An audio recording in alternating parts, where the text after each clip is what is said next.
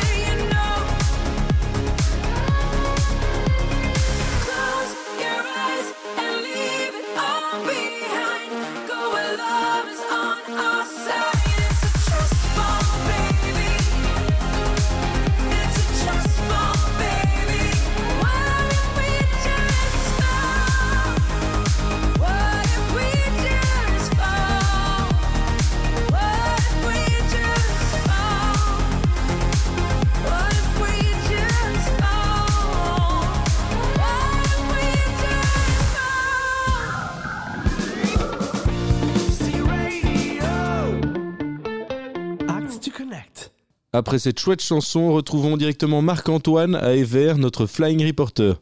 Alors, je suis avec Jamal Bouchouaf. Jamal, est-ce que tu peux te présenter? Bonjour, comme tu viens de le dire, euh, je m'appelle Bouchouaf Jamal, je suis manager commercial à Ever. J'ai commencé euh, comme réassort euh, à Odergem, puis Kreinem. Je suis passé assistant manager en boucherie. Mon métier c'est boucher déjà de base. Euh, ensuite, je suis devenu manager boucherie, toujours à Kreinem. J'ai géré le traiteur avec à Mont-Saint-Jean. Puis je suis passé manager commercial depuis un an ici à Ever. Ok, un grand parcours chez Carrefour dans beaucoup de magasins du coup. Euh, notre sujet du coup de ce mois-ci à C-Radio, c'est le Lean. Est-ce que tu pourrais juste nous dire rapidement qu'est l'action Lean il y a eu dans ton magasin? Qu'est-ce que vous appliquez? Est-ce qu'il y a des avantages voilà, pour euh, tes autres collègues dans les autres magasins? Alors tout d'abord, il y a l'affichage de tout ce qui est euh, tous les 555 de différentes activités pour accueillir plus facilement les nouveaux CDD, leur expliquer un petit peu à quoi ça sert. Euh, les team briefs, on fait ça en euh, deux, trois, parfois quatre fois par jour. On fait un briefing frais, un briefing non-food et un briefing food. Et on fait venir le manager back-office ou l'assistant back-office pour expliquer un- tous les points du projet top. Ok, merci beaucoup. Donc euh, par rapport au 555, c'est des standards, c'est ça que vous avez C'est des feuilles standards, c'est ça? C'est des feuilles standards qui sont affichées à différents endroits dans le magasin. Ok, trop bien. Merci beaucoup. Et bah, ça a l'air euh, déjà de bien vous aider. Et est-ce que tu pourrais juste me dire ta chanson préférée et pourquoi c'est ta chanson préférée? Alors moi, j'ai plusieurs chansons préférées, mais celle que j'aime le plus, et ça, ça va faire un peu vieillot, c'est Billie Jean de Michael Jackson. C'est une chanson que j'ai kiffé depuis que je suis petit et j'aime toujours. Super, merci beaucoup Jamal.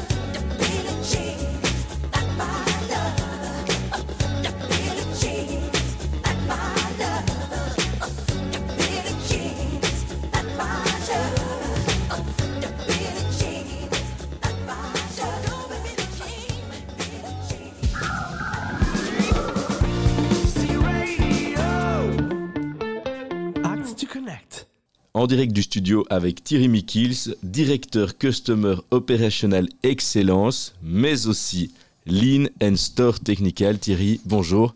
Bonjour Thomas. Alors Thierry, euh, avant tout, on commence toujours par une question de base. Quel est ton parcours chez Carrefour? Quelle est ton expérience? Dis-nous en plus. Ouais, donc, euh, je suis quelqu'un assez anonyme dans les structures, mais quand même, je suis déjà 25 ans dans la société. Euh, donc, j'ai même connu euh, GB. Euh, majoritairement, j'ai travaillé dans des fonctions financières. Euh, je suis commencé comme un consultant SAP dans le monde de la finance, donc euh, avec des installations de, de de gestion pour la comptabilité. Ensuite, je suis devenu le directeur de la comptabilité. J'ai géré l'administration commerciale et aussi les taxes, quelque chose qui fait rêver plein de monde, gérer les taxes. Et ça, je connais un, un morceau dans mon métier aussi. Voilà. Et ensuite, après ce grand département, j'ai géré le contrôle de gestion. Donc, les business controls, donc les gens qui aident les business avec les analyses, les budgets, le plan stratégique et tous ces termes-là. Euh, pendant cinq ans, euh, avec même un petit morceau sur la Roumanie-Pologne. Alors euh, bon, ton, ton- ton- ta fonction en dit long, donc Customer Operational Excellence, qu'est-ce que c'est?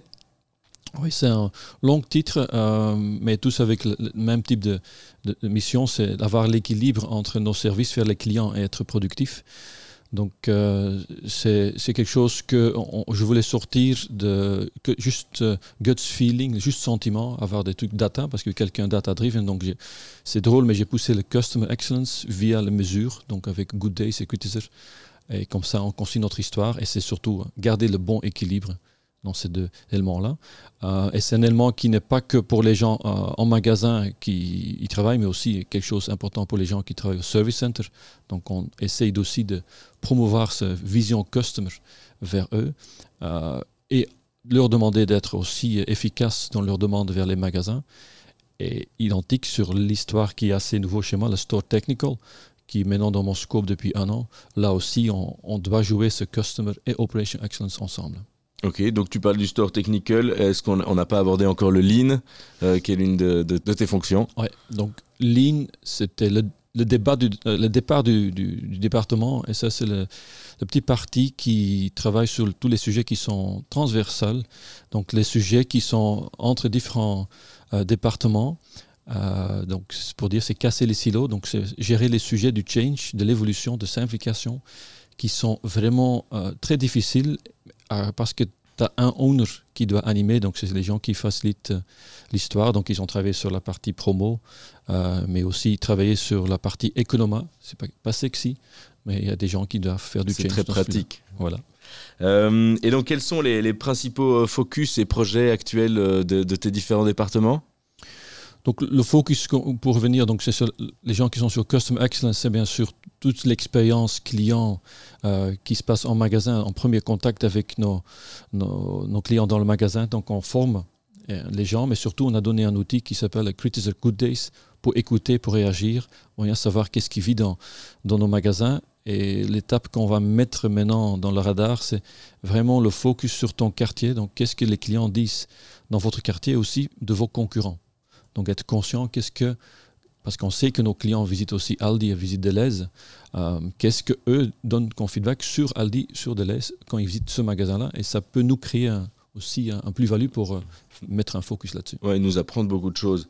Euh, pour 2024, est-ce qu'il y, a des- projets particuliers en cours ou qui vont arriver, dont on n'est pas encore au courant et qu'on a, on a le droit de savoir?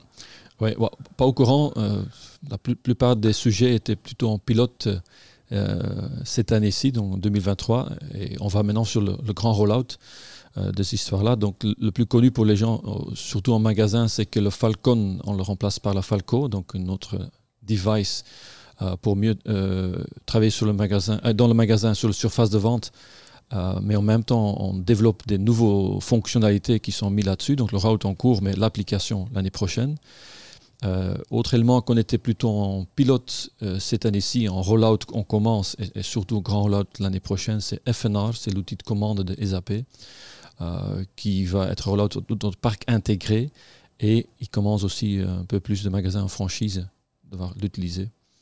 Et ensuite, surtout sur le département ligne, on va stimuler tous les gens de travailler sur les processus magasins, avec un terme que nous on appelle Gemba Walk. Donc on va inviter des gens du Service Center de visiter les magasins, de discuter avec les gens en magasin pour voir comment on peut modifier et simplifier votre flux, votre day-to-day boulot pour augmenter l'efficacité, hein, donc la productivité qui est clé pour moi, mais aussi vers les clients, en même temps donner service aux clients.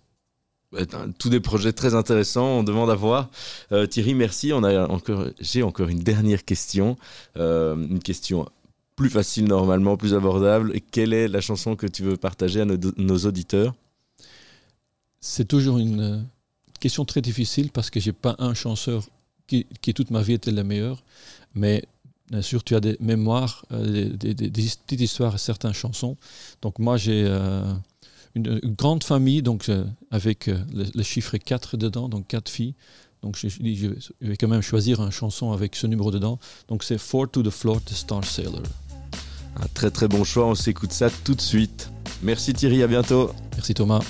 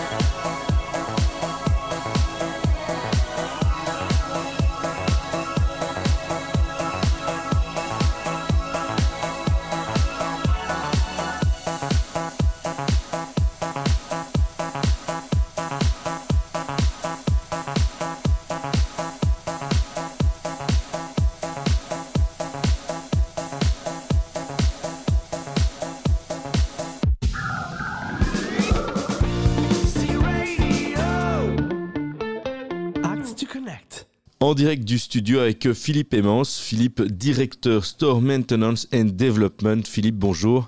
Bonjour Thomas. Alors Philippe, euh, on commence toujours par la, la question de base, ton parcours chez Carrefour, parle-nous un peu de toi. Alors je suis arrivé il y a 8 ans chez Carrefour. J'ai commencé par euh, tout ce qui était technique au niveau des markets. Et puis j'ai évolué dans les différentes enseignes, toujours au niveau euh, technique et implantation commerciale. Super parcours, merci Philippe. Alors, directeur Store Maintenance and Development, ça consiste en quoi au juste? Alors c'est un grand titre, mais principalement c'est la maintenance de tous nos magasins, qu'ils soient intégrés ou franchisés. Mais c'est aussi euh, les remodelings, les revampings, les rénovations de magasins et les implantations commerciales qui sont liées à ces, à ces transformations. Alors remodeling, j'imagine que c'est donc des rénovations de magasins, mais revamping, ça me dit un peu moins ce que c'est. Euh, comment ça s'organise? C'est quoi? Les, les revampings, c'est plutôt une euh, réimplantation commerciale au sein du magasin sans un changement d'enseigne. Euh, les remodelings, ça, c'est vrai que c'est plus connu. Euh, ça s'organise longtemps à l'avance, quand même au minimum un an. On a un processus de planification pour l'ensemble de ces transformations. Et puis, un suivi hebdomadaire par l'ensemble des équipes et avec les opérationnels, de telle manière qu'on puisse atteindre les objectifs que nous nous sommes fixés.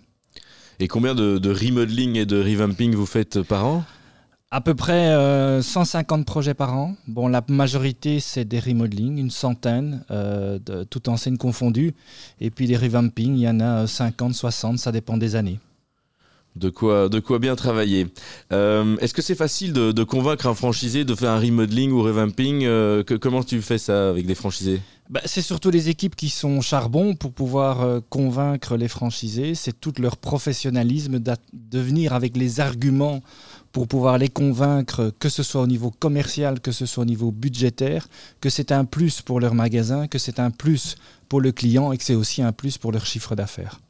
Ok, et pour, pour les intégrer, bah là ça vient euh, de, de, de la centrale ou, ou bien c'est le directeur qui prend les, les rênes là-dessus? Les intégrés, là, on fait plus une planification avec euh, les opérationnels et le processus est plus ou moins similaire, puisqu'il y a toujours une défense de budget, une défense d'un projet, de telle manière que ce soit bénéfique tant pour l'entreprise que pour la clientèle.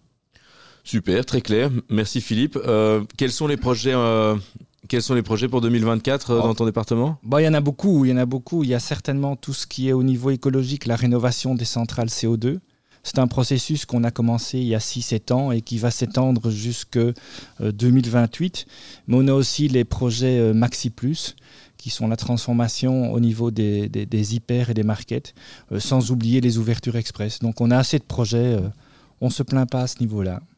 Lucky You. Euh, Philippe, dernière question, un peu plus, un peu plus soft. Euh, quelle chanson voudrais-tu partager à nos auditeurs? Alors une chanson qui est basée sur un poème de Louis Aragon, qui est de Jean Ferrat, qui est une ancienne chanson, mais qui s'appelle Aimer à perdre la raison. Magnifique chanson, bon choix Philippe. Philippe, on se l'écoute et merci beaucoup pour ton interview. Merci Thomas. Aimer à perdre la raison. Aimer à n'en savoir que dire. À n'avoir que toi d'horizon. Et ne connaître de saison que par la douleur du partir. Aimer à perdre la raison. Ah, c'est toujours toi que l'on blesse, c'est toujours ton miroir brisé, mon pauvre bonheur, ma faiblesse. Toi qu'on insulte et qu'on délaisse, dans toute chair martyrisée. Aimer à perdre la raison, aimer à n'en savoir que dire, à n'avoir que toi d'horizon. Et ne connaître de saison.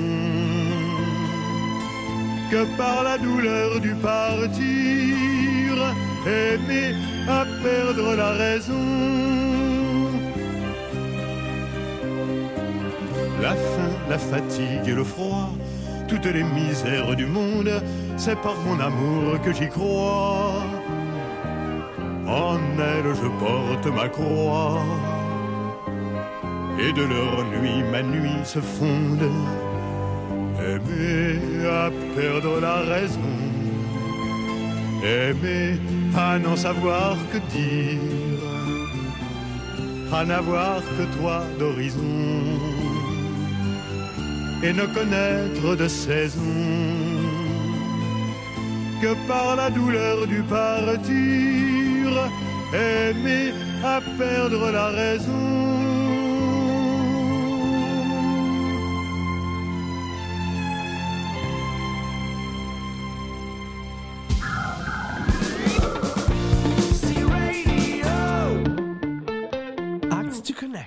On retrouve un choix de chansons du magasin des Verts. Bonjour, c'est Gessel Sem de la réception des Verts. Alors ma chanson c'est House of Fun Madness. Euh, bah voilà, ça me fait penser euh, bah, au magasin parce que dans le clip de l'époque, ça se passait dans une petite supérette et c'était bien rigolo.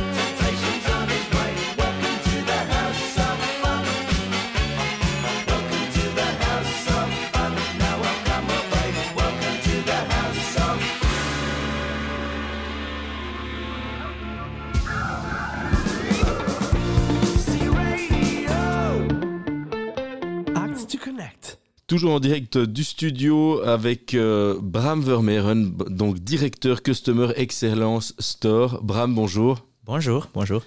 Alors Bram, euh, on commence toujours par une question sur le parcours chez Carrefour. Peux-tu nous en dire plus sur toi? Quel est ton parcours chez nous? Euh, bah donc voilà, moi actuellement, je, mon rôle est dans, allez, au sein de l'équipe de Thierry Hills est dans la partie Customer Excellence, comme tu, tu viens de dire.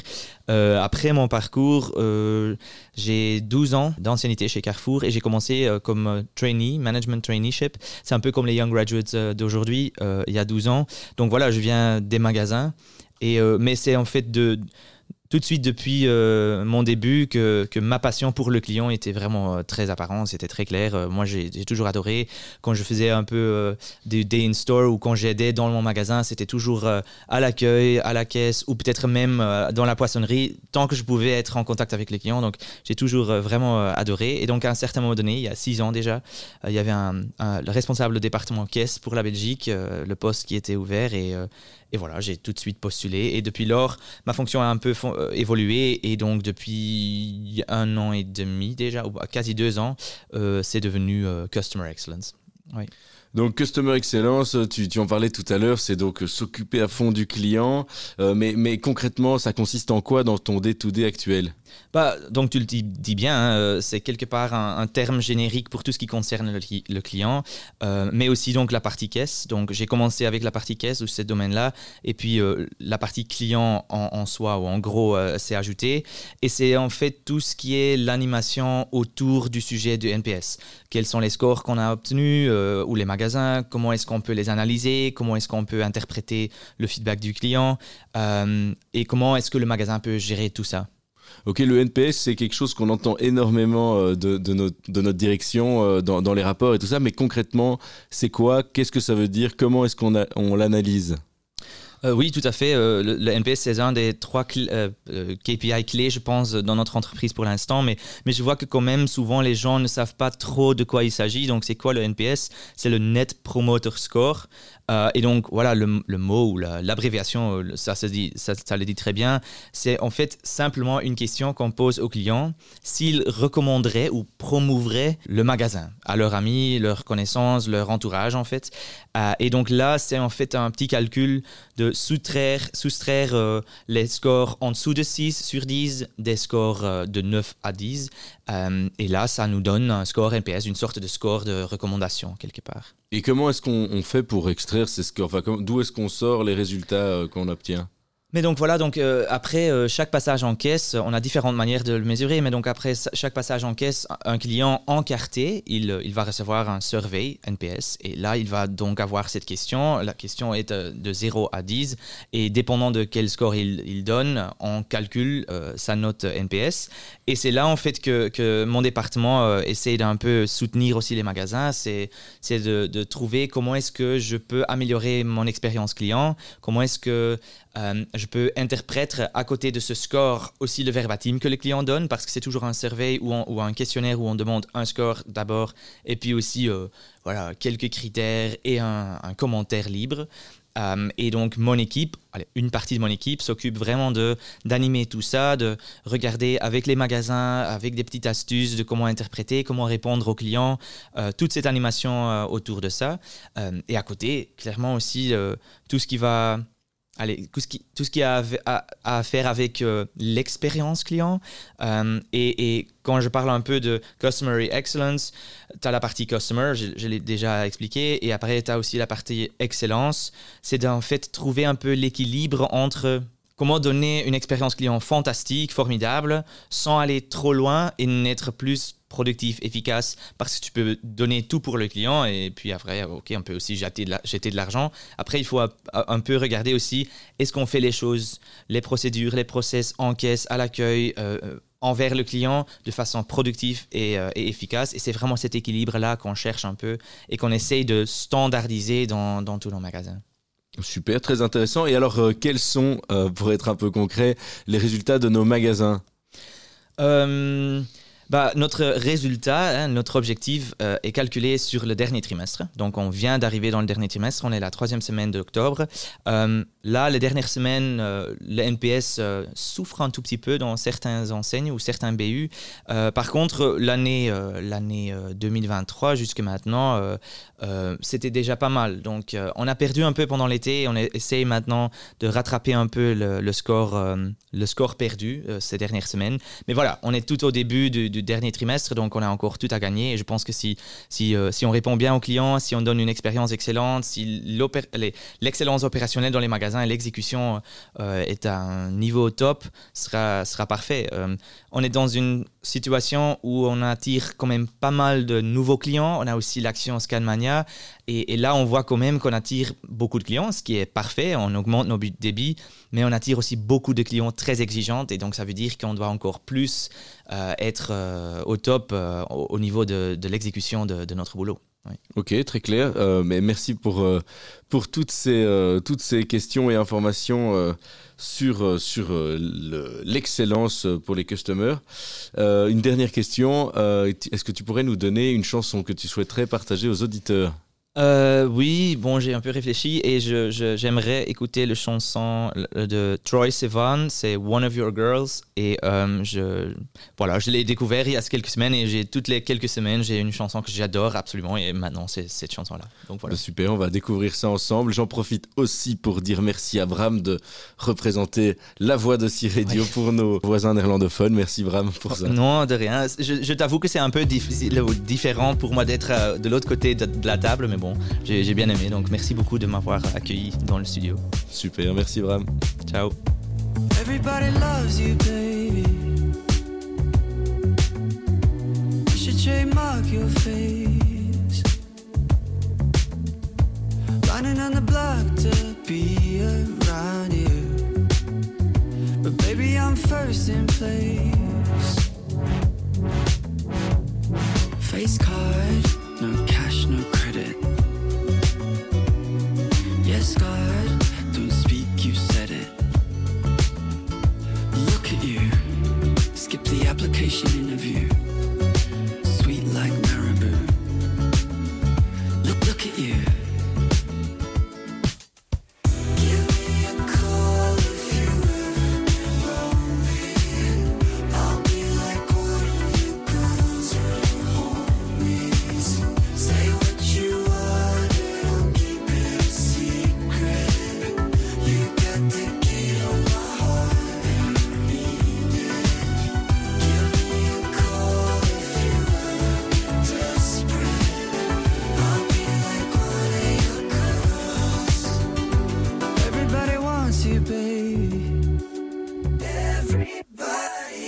Should ensure that ways. But nobody wants you bad as I do. Baby, let me plead my case. Face card, no cash, no credit. Yes, God, don't speak, you said it.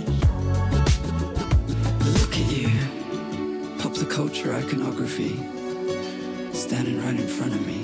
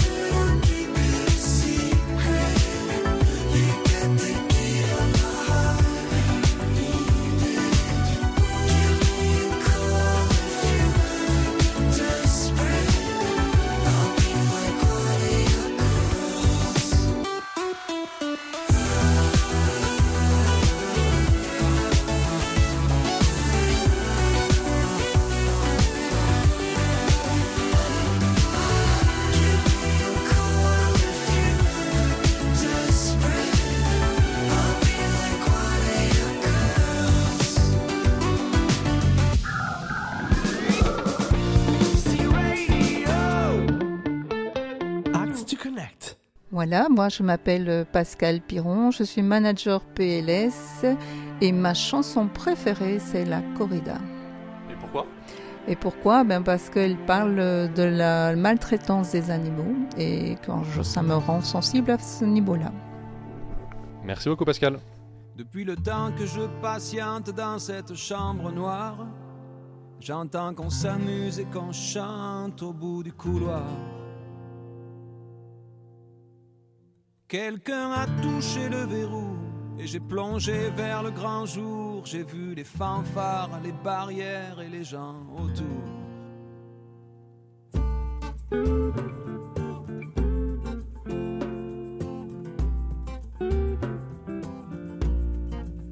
Dans les premiers moments, j'ai cru qu'il fallait seulement se défendre. Mais cette place est sans issue, je commence à comprendre. Ils ont refermé derrière moi, ils ont eu peur que je recule. Je vais bien finir par la voir, cette danseuse ridicule. Est-ce que ce monde est sérieux?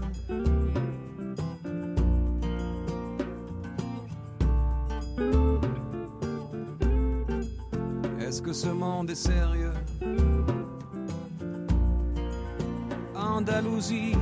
Je me souviens les prairies bordées de cactus. Je vais pas trembler devant ce pantin, ce minus. Je vais l'attraper, lui et son chapeau, les faire tourner comme un soleil. Ce soir, la femme du torero dormira sur ses deux oreilles.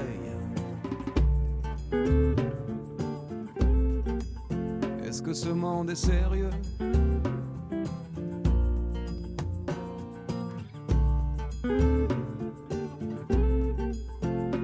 Est sérieux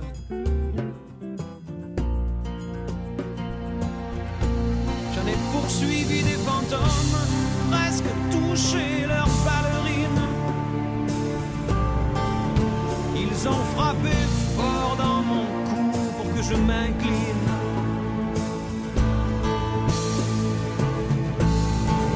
Ils sortent d'où ces acrobates? Leurs costumes de papier. J'ai jamais appris à me battre contre des poupées.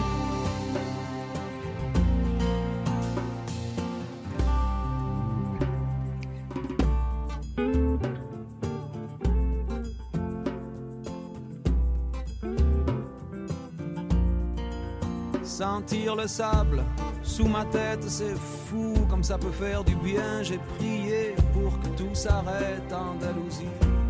Je me souviens.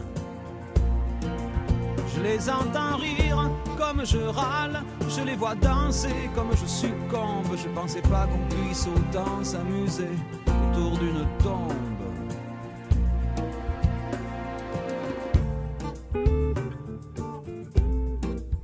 Est-ce que ce monde est sérieux?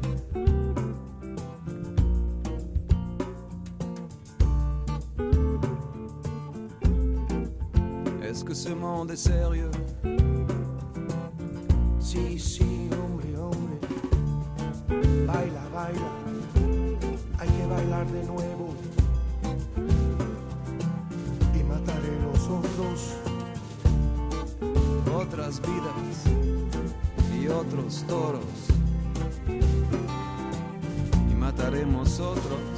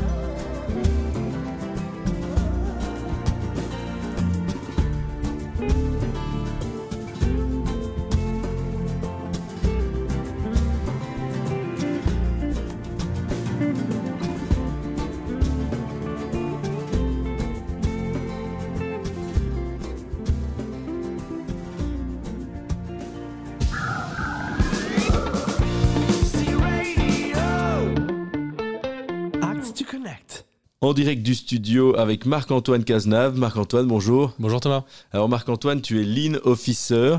Tout à fait. Euh, ben donc on va, en général, on commence toujours par une question sur toi. Quel est ton parcours chez Carrefour? Euh, Ça fait combien de temps que tu nous as rejoints, etc. Bon, bah alors mon parcours, il sera quand même assez rapide. Donc euh, j'ai 25 ans et j'ai rejoint euh, Carrefour juste après mes études. Euh, donc c'était tout juste l'année dernière. Ça va faire pile un an au 1er novembre euh, 2022. Euh, et en fait, pendant mes études, j'ai étudié un peu le lean. Et c'est pour ça que euh, j'ai voulu relever un challenge ici. Challenge avec euh, directement après l'étude rejoindre Carrefour. Et aussi changer de pays parce que je viens de France. Ah ben, on te félicite et on te souhaite la bienvenue d'emblée. Alors, Lean Officer, il y a le mot Lean et tu en as déjà parlé euh, durant des- les quelques secondes qui précèdent. Qu'est-ce que c'est que le Lean alors? Alors, pour rester euh, assez simple, parce que c'est vrai que le mot ne parle pas euh, facilement, c'est une sorte de manière de travailler qui s'appuie sur différentes euh, méthodes, différents outils pour éliminer tous les gaspillages euh, qu'on a dans notre façon de travailler, dans nos processus, et du coup de travailler le plus efficacement possible. Et euh, il s'agit vraiment de créer une sorte de culture dans laquelle on veut s'améliorer, en continu pour faire mieux chaque jour. Si je peux aller même un peu plus loin, nous, notre intention, c'est vraiment de transmettre cette culture, du coup, au sein de l'organisation, de l'entreprise, de partager ses connaissances et que chacun puisse aussi les transmettre à son tour. Ok, donc c'est beaucoup aussi dans la transmission euh, de nos équipes opérationnelles. Quels sont les grands thèmes du Lean actuellement euh, pour nos magasins? Oui, alors bah, du coup, en effet, c'est créer cette culture Lean au sein de l'entreprise et au sein des magasins. Donc en dispensant des formations, ça c'est nous, les Lean Officers, on les dispense euh, aux personnes et aux équipes.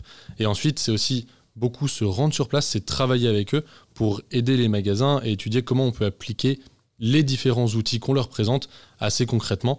Euh, après, voilà, c'est toujours euh, différent en fonction des magasins, euh, parce que chaque magasin a ses spécificités, Euh, mais on va le faire avec les équipes Operational Excellence et Customer Excellence que euh, vous avez, que tu as aussi eu, je pense, en interview.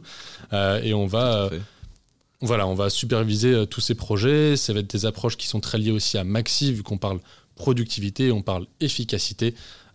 Et si tu veux quelques exemples, par exemple, euh, on va travailler euh, sur euh, le prêt à vendre. Donc, euh, colis que tu peux mettre euh, facilement euh, en rayon, avec le but euh, d'activer le maximum euh, de prêt à vendre, d'en avoir au maximum, mais aussi d'aider les magasins à comment on le met, comment c'est facile à exploiter, à utiliser. On va aussi travailler sur des outils tels que les planogrammes. Enfin voilà, c'est vraiment euh, une grande bulle euh, quand même, euh, tout ça. Alors, est-ce qu'il y a encore des, challenges spécifiques euh, sur 2024 Qu'est-ce qu'est le, pipe euh, pour vous Euh, Qu'est-ce Quel va être votre day-to-day l'an prochain? Ouais, alors, on a déjà formé pas mal de magasins, mais on veut continuer à former les magasins, à transmettre cette culture, justement. Et ça, on l'a principalement fait avec des magasins intégrés. On va continuer naturellement, mais on veut aussi aller vers des magasins franchisés. On a eu la chance pendant la foire d'avoir un petit stand avec nos collègues euh, Customer Operational Excellence, où les franchisés ont pu venir nous voir, ont pu voir ce qu'on proposait, et du coup, on, va essayer d'aller chez eux. Et euh, on souhaite également, naturellement, impliquer le service center, parce que la productivité, c'est certes en magasin, mais si on améliore nos processus au service center, on va normalement pouvoir aussi euh, libérer un peu de charge de travail pour tout le monde. Donc voilà, donc c'est principalement les magasins continuer sur le terrain et aussi attaquer le service center dans la formation et dans l'aide sur différents projets. Ok, ben, merci Marc-Antoine, c'était très clair. Euh, une dernière question un peu plus soft. Euh, quelle est la chanson que tu veux partager à nos, euh, nos auditeurs? Alors euh, là, j'ai réécouté une chanson que j'aime bien ces derniers temps. C'est Bright Blue Burning Sky euh, de The Shuts. Euh, donc c'est voilà, c'est une chanson moi, qui me rappelle, euh, je suis allé pas mal de fois à Berlin, donc ça me rappelle pas mal de Berlin. Et c'est aussi dans ces périodes où il fait un peu plus nuit, j'ai l'impression que ça me donne un peu de lumière. euh, Et d'énergie. Voilà, et d'énergie, ouais. Ok, super, merci Marc-Antoine, on se l'écoute tout de suite. Merci Thomas. Salut, au revoir.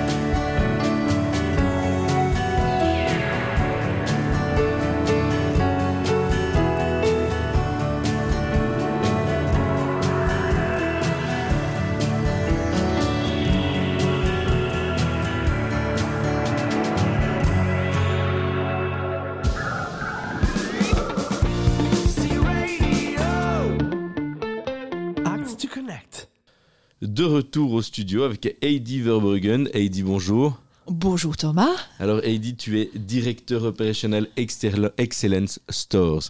Heidi, on commence toujours l'interview avec euh, quel est ton parcours, euh, qu'est-ce que tu as fait chez, Carrefour et depuis quand tu es là? Bonjour à tous. euh, Avant que je me lance, hein, bah voilà, j'ai déjà un parcours de pas mal d'années. Je peux aller à la soirée du jubilaire cette année-ci. Alors, je, je peux fêter les 30, euh, les 30 années. Et pendant ces 30 années, j'ai eu la chance de pouvoir, d'avoir fait énormément de, de choses différentes. Euh, j'ai eu un parcours euh, en RH, euh, j'ai fait de l'expansion, j'ai fait de, de l'installation commerciale, j'ai fait de la technique et bien sûr, j'ai fait beaucoup de, de la vente. Alors, un parcours quand même assez complète. Un hein. parcours assez complet, as touché un peu à tout euh, chez nous. Alors, on parlait de Operational Excellence Stores, c'est le nom de ta fonction. Euh, on a entendu Bram tout à l'heure qui était Customer Excellence. Euh, Est-ce que tu peux nous en dire plus? C'est quoi en fait? Ben voilà, oui, chaque fois que, que je dis ce que je fais, euh, les gens me regardent avec de tout grands yeux et je dis, OK, c'est quoi Operational Excellence? C'est quoi exactement? Pour pouvoir euh, visualiser un peu, je pense ne pas trop expliquer la fonction, mais de juste euh, parcourir ce- les gens qui font partie de mon équipe. Parce qu'on est Operational Excellence Store, ça veut dire qu'on est quand même souvent en magasin, on travaille pour les magasins. Alors, euh, pas mal de gens qui m'écoutent ici vont avoir déjà croisé quelqu'un de mon équipe. Et qui est dedans, ce sont par exemple les traîneurs métiers. Hein. Il y a pas mal de gens qui les connaissent. Il y a euh, les conseillers commerciaux qui travaillent euh, aussi en franchise, les top coachs, les coachs FNH, hein, les coachs, les training coachs en franchise et bien sûr aussi les spécialistes dans l'équipe euh, qui travaillent sur l'organisation, sur EuroQuartz et sur euh, Timekeeper. Alors une belle équipe euh, et comme je me répète peut-être, mais on est là avec et pour les magasins. Super.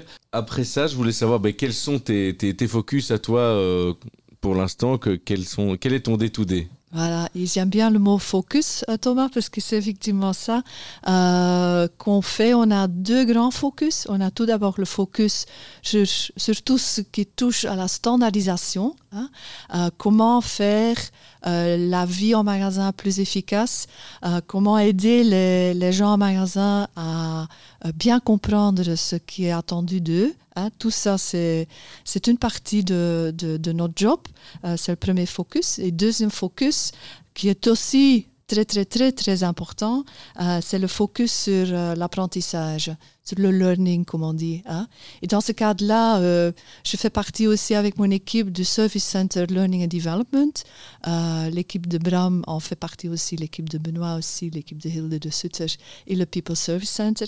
Et ensemble, on a, on a un objectif, c'est de faire apprendre les connaissances et les compétences à toutes les personnes qui sont dans nos magasins. Et ça, c'est le deuxième focus. Et ensemble, on, bah voilà, on essaye d'améliorer euh, la vie euh, euh, de chacun dans, dans nos magasins. Parfait, ça doit déjà te faire des journées bien remplies. Euh, restons sur le terme focus. euh, focus 2024, qu'est-ce que tu as? Ah bah voilà, euh, je pense si je peux résumer, c'est plutôt un peu mieux chaque jour. Et là, je fais un lien avec mes, collègues en ligne. hein, c'est euh, faire de l'amélioration continue euh, sur les, deux domaines. Et là, je peux vous dire qu'au niveau formation avec le Service Center Learning and Development, on essaye d'améliorer encore, notre offre euh, au niveau formation et surtout de la rendre plus accessible. On est bien avec notre catalogue sur Workplace, mais on sait que pas tout le monde l'a déjà trouvé, alors focus là-dessus. Et on est aussi focus sur l'efficacité, un mot que j'ai déjà mentionné. Et là, on est euh, présent avec pas mal d'initiatives pour augmenter aussi la productivité en magasin. Euh, on est là aussi avec Operational Excellence pour accompagner les gens sur le terrain euh, dans l'usage de tous les nouveaux outils Et là, je veux mettre euh, Evenor un peu en avant, puisque on a connu l'année 2023 comme une année plutôt de test euh, Evenor. On s'est doucement lancé dans le rollout euh, de Evenor dans, dans, dans les fruits et légumes, euh, aussi bien en market qu'en hyper. Et pour le focus 2024, puisque c'est ça euh, votre question, on est surtout focus rollout qu'on Allez, on, a commencé le, vrai rollout euh, tout d'abord en market et tout doucement les autres BU vont, suivre aussi et la franchise va suivre aussi. C'est totalement aligné avec ce que Thierry nous a dit aussi. Euh, focus sur les rollouts, effectivement. Euh, bah, Heidi, merci beaucoup pour toutes ces informations.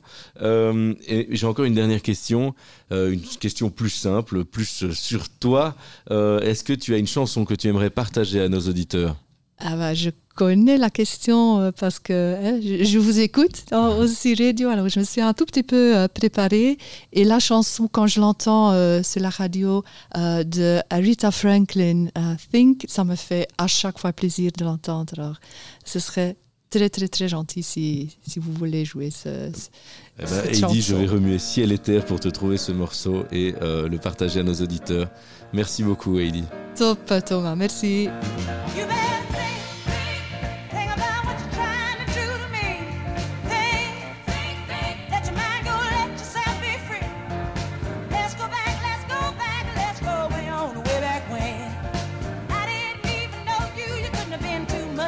mountain.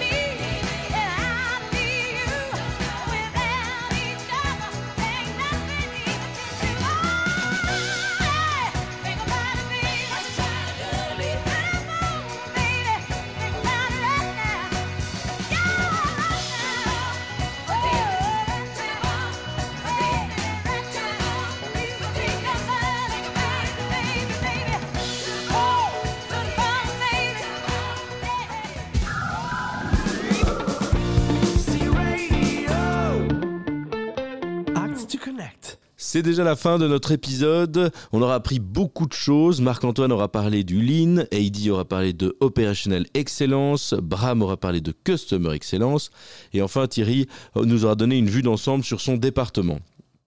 On souhaite évidemment un prompt rétablissement à Philippe Liénard, qui n'a malheureusement pas pu être présent lors de notre visite en magasin. Bon rétablissement, Philippe. Euh, un grand merci aux équipes des Verts d'avoir assuré les interviews euh, en son absence. On poursuit directement en musique. On se retrouve au mois de novembre. Merci pour votre écoute attentive. Alors, c'est Garcia Carole, hôtesse de caisse au Carrefour des Verts. Et j'ai choisi ch- cette chanson, j'y vais de Patrick Fiori et Florent Pagny, euh, parce qu'elle parle tout simplement euh, de l'enfant euh, qu'on a tous à l'intérieur.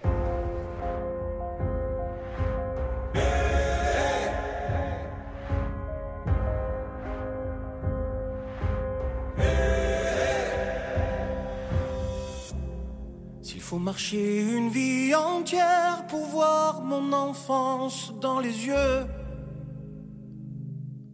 J'y vais.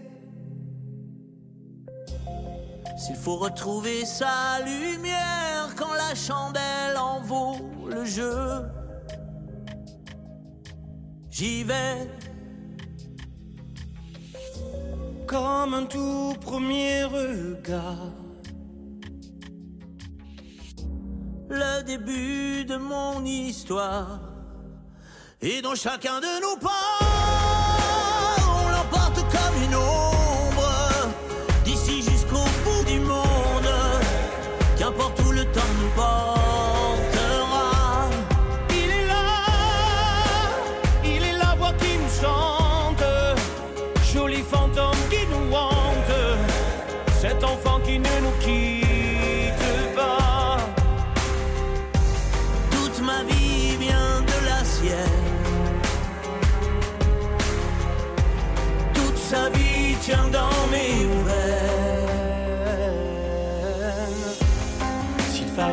traverser les mers pour embraser les terres de feu. J'irai retrouver mes rêves.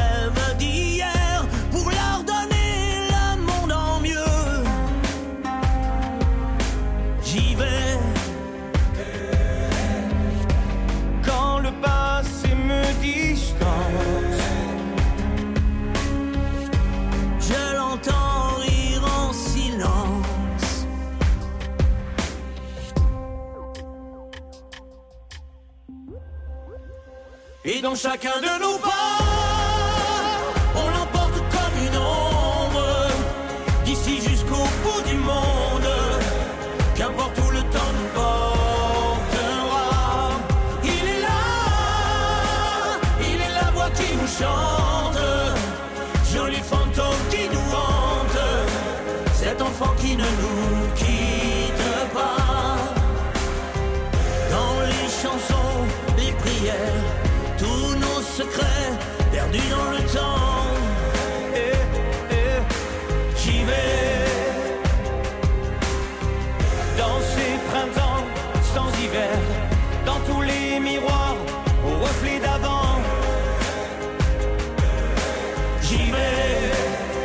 chacun de